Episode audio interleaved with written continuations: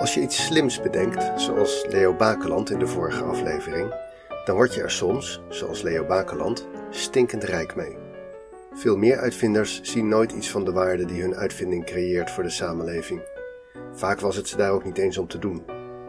En dan zijn er ook nog uitvinders die iets creëren en daar alleen maar door in de problemen komen, zoals degene die een recept voor een 3D-printbaar vuurwapen online zetten. Of de maker van Napster, de software waarmee gebruikers rond het jaar 2000 massaal illegaal muziek met elkaar deelden. Ook met de technologie waarover we vandaag praten gebeurde dat.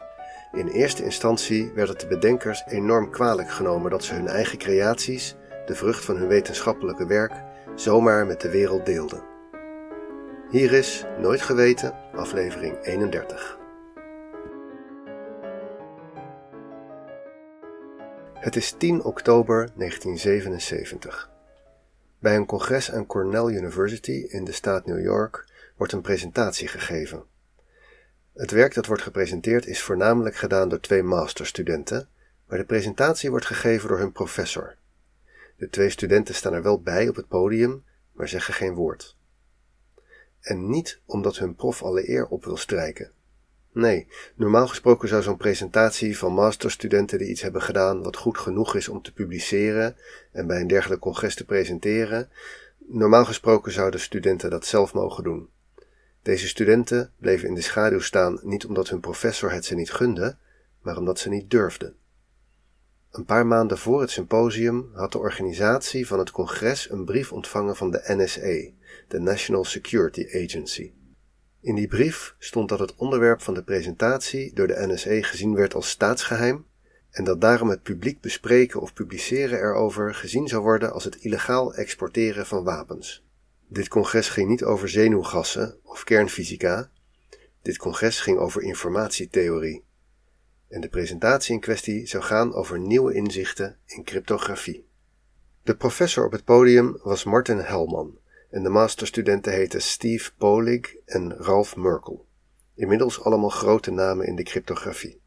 Ze werkten samen aan Stanford University aan iets wat we tegenwoordig asymmetrische encryptie noemen, of ook wel public key encryptie, dus encryptie met een publieke, niet geheime sleutel. Toen ze hoorden van de brief van de NSA, waren Helman en zijn studenten heel verontwaardigd. Ze waren ook van plan om het gewoon toch te presenteren. Maar toen Helman contact had gehad met de juristen van de universiteit, bleek dat ze waarschijnlijk een goede kans maakten om van de NSC te winnen, maar dat de juridische verzekering van de universiteit de kosten van de ingewikkelde rechtszaak wel zou dragen voor de medewerker, professor Helman, maar niet voor diens studenten. Nadat er stevig door familie op ze ingepraat was, besloten Polik en Merkel daarom hun werk toch maar te laten presenteren door hun professor. Dat de NSA in die tijd nogal raar aankeek tegen het openbaar maken van de nieuwste ontwikkelingen in cryptografie was niet raar. Die asymmetrische encryptie was het nieuwste van het nieuwste. Ook binnen de geheime diensten werd daar hard aan gewerkt.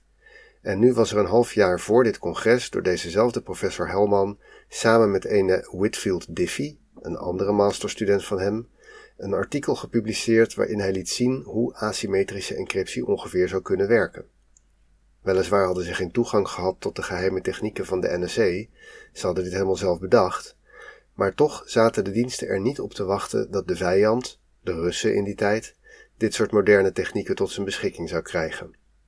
Alleen maar doordat deze nerds dat zomaar gingen lopen publiceren.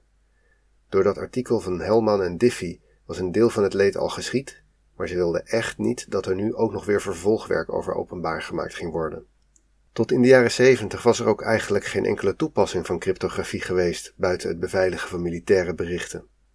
Dat stamde al uit de Romeinse tijd en het was nog maar 25 jaar geleden dat de Britse en Amerikaanse codekrakers een doorslaggevende rol hadden gespeeld in het verslaan van de nazi's, doordat ze de berichten van hun beroemde Enigma-machine hadden weten te kraken. Wie kon er in vredesnaam interesse hebben in sterke encryptie met goede bedoelingen? De Koude Oorlog-mindset van de diensten in de jaren 70 was wel begrijpelijk. Toch is bijna niets van wat wij vandaag de dag doen op internet nog denkbaar zonder die asymmetrische encryptie waar professor Helman en zijn studenten zo graag over wilden vertellen. Wat is asymmetrische encryptie dan precies?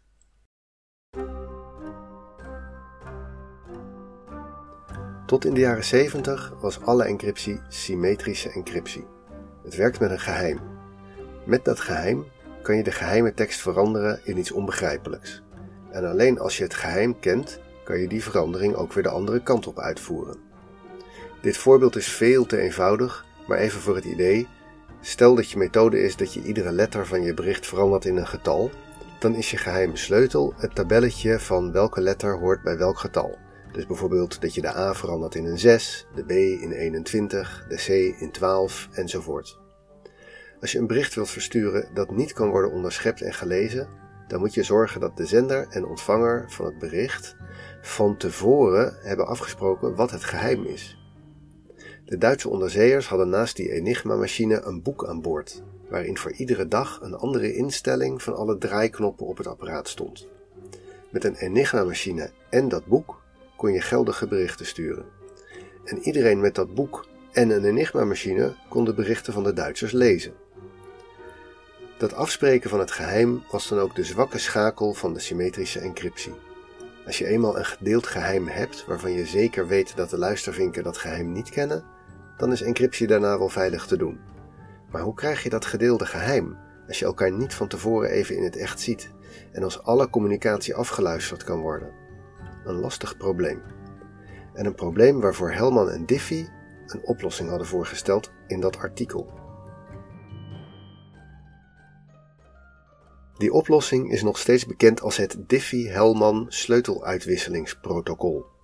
Iedere keer als je een webpagina met zo'n slotje bekijkt, voert jouw telefoon dit protocol uit met de webserver van die site. Het is gebaseerd op machtverheffen met heel grote getallen. Het werkt zo. De twee partners die nog geen gezamenlijk geheim hebben, noemen we Alice en Bob. Dat is traditie in de cryptografie. De twee partijen die elkaar veilig een bericht willen sturen, A en B, die heten Alice en Bob. Alice verzint een groot getal en dat kent zij alleen. Ze kiest ook een grondgetal dat iedereen mag weten. Dan stuurt ze naar Bob niet haar geheim, maar wel het grondgetal en de uitkomst van grondgetal tot de macht geheim. Bob doet hetzelfde. Hij verzint ook een getal, maar hij stuurt niet zijn getal op, maar hij gaat ook macht verheffen en stuurt grondgetal tot de macht van zijn geheim naar Alice. Nu weet een afluisteraar dus het grondgetal en twee heel grote getallen. Nu komt de truc. Voor machtverheffen geldt dat a tot de macht b tot de macht c hetzelfde is als a tot de macht c tot de macht b. Als Bob het grote getal dat hij van Alice kreeg verheft tot de macht van zijn eigen geheim en Alice verheft het getal dat ze van Bob kreeg tot de macht van haar eigen geheim, dan krijgen ze allebei dezelfde uitkomst en hebben ze dus een gezamenlijk geheim. En met dat gezamenlijke geheim kan je daarna weer berichten gaan versleutelen op de ouderwetse manier. Als je goed bent in rekenen, zijn er nog twee opmerkingen die je misschien zou maken. De eerste is deze. Maar als de afluisteraar zo'n groot getal hoort en het grondgetal hoort, dan kan hij toch het geheim uitrekenen door een logaritme te nemen? Ja, in theorie klopt dat. Maar het blijkt dat het berekenen van een logaritme van een enorm groot getal heel erg moeilijk is. Veel moeilijker dan het berekenen van het grote getal door te macht verheffen. En de getallen waar we het hier over hebben zijn dus heel erg groot. Cryptografen drukken dat uit in bits. Als je tegenwoordig op een beetje veilige manier via het Diffie-Hellman-protocol een geheim afspreekt, dan kiezen Alice en Bob allebei een willekeurig getal van 1024 bits. Dat is in het decimaal een getal van 300 cijfers. Het grondgetal hoeft niet groot te zijn. Daarvoor nemen ze bijvoorbeeld 2 of 3 of 5. Maar 3 tot de macht van een getal van 300 cijfers, dat is een enorm getal, waarvan het aantal cijfers zo groot is dat het hele getal nooit in het geheugen van een computer zou passen. En om daar dan een logaritme van te nemen, dat is min of meer onmogelijk. De tweede opmerking is dan dus die grote getallen verheffen tot de macht van andere heel grote getallen, worden die uitkomsten niet veel te groot om nog mee te werken? Ja, klopt ook. In de praktijk maken ze het zichzelf makkelijker door modulair te rekenen. Dat klinkt heel moeilijk, maar het komt erop neer dat ze telkens alleen verder rekenen met de laatste zoveel cijfers. Als je alleen in de laatste drie cijfers geïnteresseerd bent, dan heet dat modulo 1000. Je blijkt dus gewoon te kunnen optellen, vermenigvuldigen en machtsverheffen met alleen de laatste drie cijfers, als je aan het eind toch alleen maar in de laatste cijfers geïnteresseerd bent.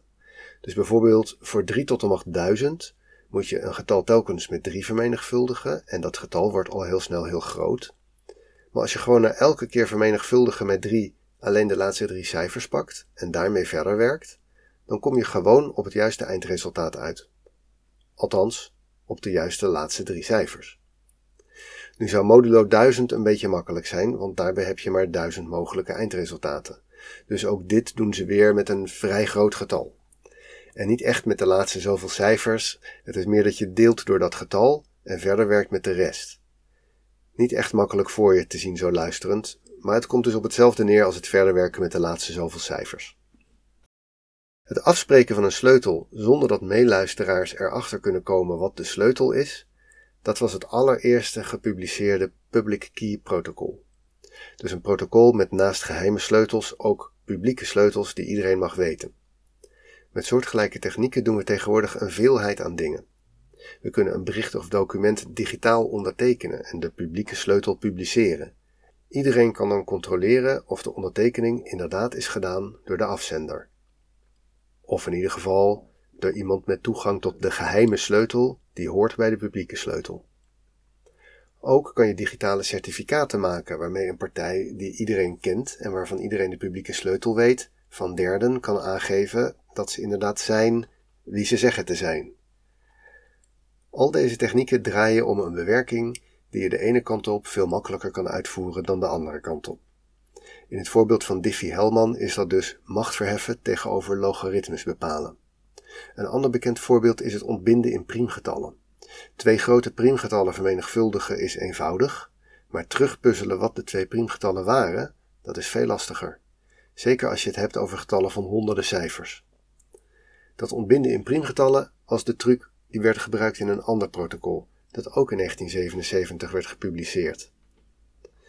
Waar Hellman, Diffie, Polik en Merkel zich zuiver hadden gericht op een manier om een sleutel uit te wisselen, daar kwamen in datzelfde jaar Rivest, Shamir en Edelman met een compleet systeem voor beveiligde communicatie op basis van publieke sleutels.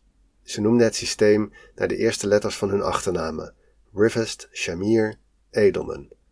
RSA.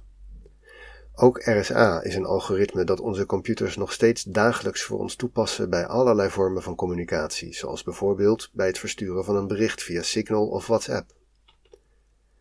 Hoe zijn we gekomen van een situatie waarin het publiek bespreken van dergelijke technologie door de diensten werd behandeld als landverraad, naar de huidige toestand waarin die technologie dagelijks achterloos door iedereen wordt gebruikt? Nou, het begon ermee dat die rechtszaak waarmee werd gedreigd dat die nooit werd gevoerd. De NSA zag in dat ze die zaak waarschijnlijk zouden verliezen op basis van het Amerikaanse Eerste Amendement, het recht op vrije meningsuiting. Maar ze legden zich er niet bij neer. Eerst begonnen ze zich hard te maken voor nieuwe wetgeving, ongeveer op de manier waarop informatie over kernwapens het land niet mocht verlaten. Het lukte alleen niet om die wetgeving doorgevoerd te krijgen. Ze gingen ook in gesprek met de onderzoekers om ze te overtuigen van zelfregulering dat kwam nooit helemaal van de grond, maar er gebeurde wel iets anders in die gesprekken. Ze kwamen erachter dat mensen zoals professor Hellman geen mad scientist en spionnen waren, maar dat ze een concreet maatschappelijk probleem zagen, waarvoor cryptografie de oplossing was. Waar de NSA bij veilige communicatie alleen nog aan militaire geheimen dacht, daar zag Hellman al in de jaren 70 dat door het gebruik van computers en digitale communicatie ook in het bedrijfsleven een behoefte bestond aan het versturen van vertrouwelijke berichten. De jaren daarna staan ook wel bekend als de crypto wars. Op allerlei manieren probeerden de geheime diensten een vinger in de pap te houden. Door te proberen achterdeurtjes in te bouwen in veel gebruikte algoritmes, door bedrijven op te kopen die de technologie verbeterden. Toen Netscape in hun webbrowser beveiligde verbindingen inbouwde, zorgde de NSA ervoor dat de software niet buiten de Verenigde Staten mocht worden aangeboden. De kennis over encryptie konden ze niet tegenhouden, maar het product, de software, kon wel onder allerlei exportregels vallen. En zo kwam het dat als je de Netscape browser ging downloaden, dat je dan in de Verenigde Staten een andere browser kreeg dan in de rest van de wereld. In Europa kregen wij een browser die maar een heel beperkte sleutellengte had, van maar 40 bits. In de VS was dat 128 bits. Als je in 1995 met je Europese browser je creditcardgegevens over een verbinding met een slotje verstuurde, dan kon iemand die dat afluisterde dat bericht in een paar dagen ontcijferen met een gewone PC uit die tijd. Dus een instantie met de middelen van de NSA of de CIA kon in principe gewoon meeluisteren met alles wat er op internet gebeurde. In de praktijk hadden ook de meeste Amerikanen die betrekkelijk onveilige verbinding, omdat de downloadlink van de internationale versie veel makkelijker te vinden was. Onder druk van burgerrechtenorganisaties en vooral ook van de groeiende e-commerce sector werd uiteindelijk in het jaar 2000 die restrictie opgeheven. Iedereen heeft tegenwoordig toegang tot versleuteling van berichten en daar hoef je niets speciaals voor te doen. En die strijd begon op dat podium in 1977 met de presentatie van professor Helman. Maar of diensten nu echt niet meer met ons mee kunnen luisteren, dat is lastig te zeggen. Waarschijnlijk niet, maar als ze nog een achterdeurtje weten in een van de algoritmes, dan zullen ze dat niet aan de grote klok hangen en hun best doen om die kennis zo lang mogelijk staatsgeheim te houden. Dit was aflevering 31 van Nooit Geweten. De oplossing van de fotopuzzel was de pagina Public Key Cryptography op de Engelstalige Wikipedia. Nooit Geweten is een hommage aan Wikipedia en alle informatie die je hebt gehoord komt daar vandaan en soms van bronnen waarnaar Wikipedia linkt. Je vindt meer details over dit onderwerp via de links in de show notes. Ik kan met name het artikel Keeping Secrets aanraden, dat in 2014 verscheen in Stanford Magazine.